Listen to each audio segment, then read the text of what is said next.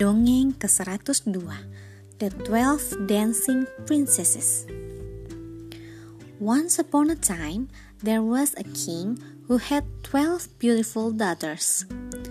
Each night, they settled down to sleep in their bedroom, and the king locked the door to keep them safe. But then, something very strange would happen. In the morning, the princesses' shoes all had holes worn in the soles, just as if they had been dancing all night. Neither the king nor his wisest advisers had any idea how it happened. But morning after morning after morning, it was the same. There were twelve worn out pairs of shoes by the twelve beds. At last, the king sent messengers throughout the land to announce that if anyone could discover what was going on, he could marry whichever princess he liked best. But anyone who tried and failed will be thrown out of the kingdom, never to return. Well, Many princes and dukes and earls and knights came from far and wide to try their luck. Each night, one of them was locked into the princess's room, determined to stay awake and watch and find out what happened. But each night, the young man fell asleep. In the morning, there were twelve pairs of worn out shoes, and the young man was none the wiser. By the afternoon, he had been banished from the land forever.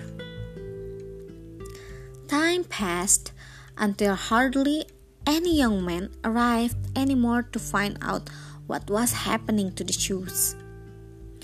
But then a soldier came wandering into the kingdom on his way home from the battle.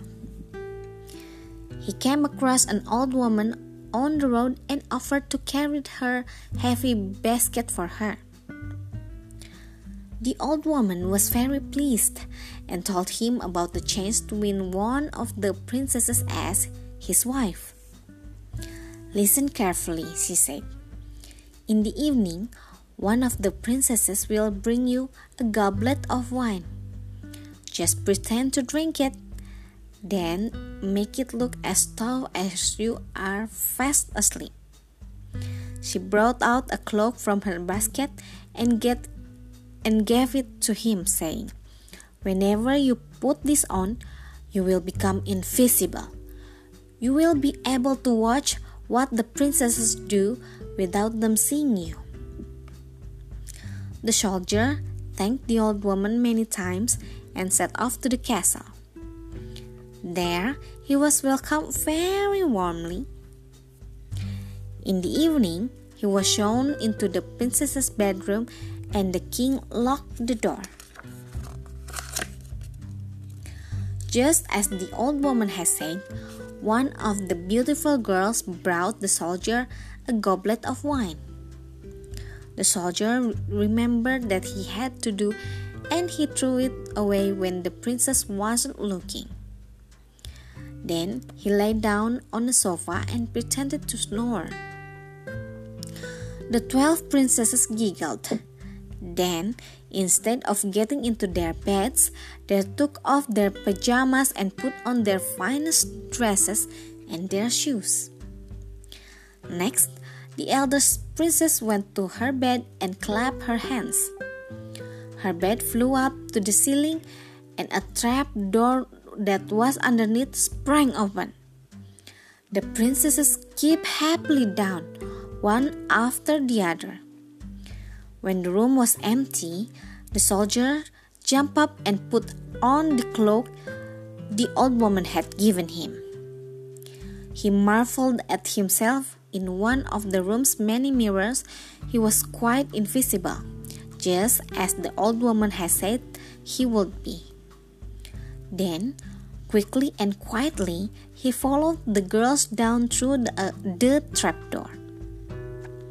He found himself descending a steep steep lamp-lit staircase. At the bottom, he came into daylight, where a beautiful silver lake sparkled under a pale blue sky. He could see all the princesses sitting in the in a little boats traveling across the water to an island in the very middle of the lake. There was one boat still left on the shore, and the soldiers leaped into it and rowed after them. When they reached the island, the soldier followed the girls to a splendid castle. Inside, the great hall was decorated for a magnificent ball. There were lanterns and flowers and even a grove of glittering golden trees. The soldier had never seen golden trees before, and he reached up to break off a twig and hide it under the cloak to take it with him. Snap! The youngest princess heard the noise and said to her sisters, Did you hear that? What was it? Do you think someone is here with us? But the eldest princess said, Don't be silly. Of course not. And she set off into the hall, leaving her sister to follow. The princesses joined the guests, having a wonderful time there.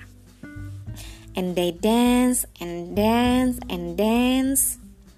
The soldiers danced invisibly with them too.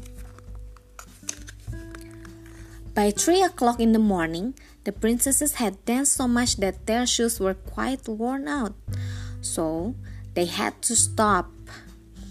They said a joyful but very goodbye to the other guests promising to come back again the next night. Then the soldier had seen enough. He knew he had to keep his wits about him or he would not reach the princess's bedroom before they did. As the princesses were putting on their capes and hats ready for the return journey, he ran swiftly from the castle and back to the lake. Then he rowed as hard as he could back across the lake and ran at the full pelt to the stairs. By the time the princesses had climbed back to their bedroom, he was lying just where they had left him on the sofa, seemingly fast asleep. Of course, the next morning, the princess's shoes were inspected and once more they were full of holes and quite worn out.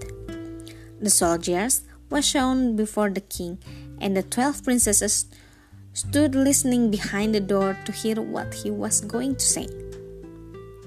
But when the king asked the soldier with a weary voice, So, why are my daughter's shoes worn out each morning? The soldier did not mumble and stutter, like all the other young men had done. Instead, he told the unlikely tale of how the princesses had danced all night. The king glowered at the soldiers. He thought the, whole, the whole story sounded highly unlikely. He was about to accuse him of making the whole thing up when the soldier pulled out the golden twig and offered, his, offered it as proof of his adventure. The king examined the twig carefully. It sparkled and twinkled at him in the early morning light. He had never seen anything of its kind before. He called off the princesses who were astonished at the soldier knowing their secret. They told their father their father the truth at once.